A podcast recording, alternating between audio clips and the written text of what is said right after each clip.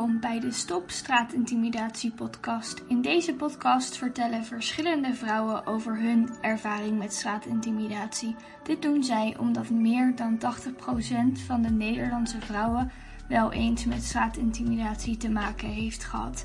In deze aflevering is mij te gast. Ik was denk ik 10 of 11. En dit is ook wel degene die het meest indruk op mij heeft gemaakt, omdat ik ook zo jong was. Ik moest vanaf de basisschool naar huis fietsen. En aan de linkerkant van de weg waren bomen. En aan de rechterkant was een soort heuveltje of zo. Ehm, in ieder geval een plek die niet goed te zien was. Van als je daar niet op fietste, zeg maar. Maar ik fietste dus naar huis. En uh, er was een weggetje naar links. En er was nog wat rechtdoor. En ik moest toevallig rechtdoor. Maar er fietste, er, man, er fietste een man voor mij. En hij begon steeds langzamer te fietsen en ik wist niet of hij naar links moest of niet.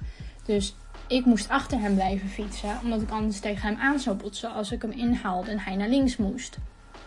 Maar hij begon dus steeds langzamer te fietsen, tot het punt dat hij zich omdraaide en mij aankeek en uh, dingen zei als: Hé, hey, lekker meisje, kom. Ik, ik ga je lekkere dingen laten zien. Volg mij, fiets maar gewoon achter mij aan. Um, en toen is hij dus linksaf gegaan. Uh, waar ik wel heel blij mee was, want ik moest rechtdoor.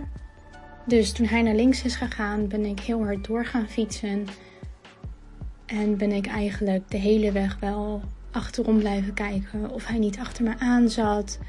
Of hij niet heel dichtbij mij fietste. En dat hij me van mijn fiets af kon pakken of iets anders. Omdat ik gewoon zo bang was dat hij nog uh, zo geïnteresseerd in mij was dat hij achter me aanging.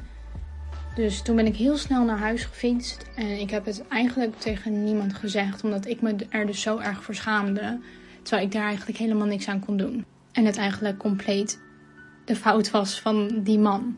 Bedankt voor het luisteren naar het verhaal van mij. Wil je meer informatie over straatintimidatie? Vergeet dan niet de website en Instagram van Give Us Safe Streets te bekijken. Tot volgende keer.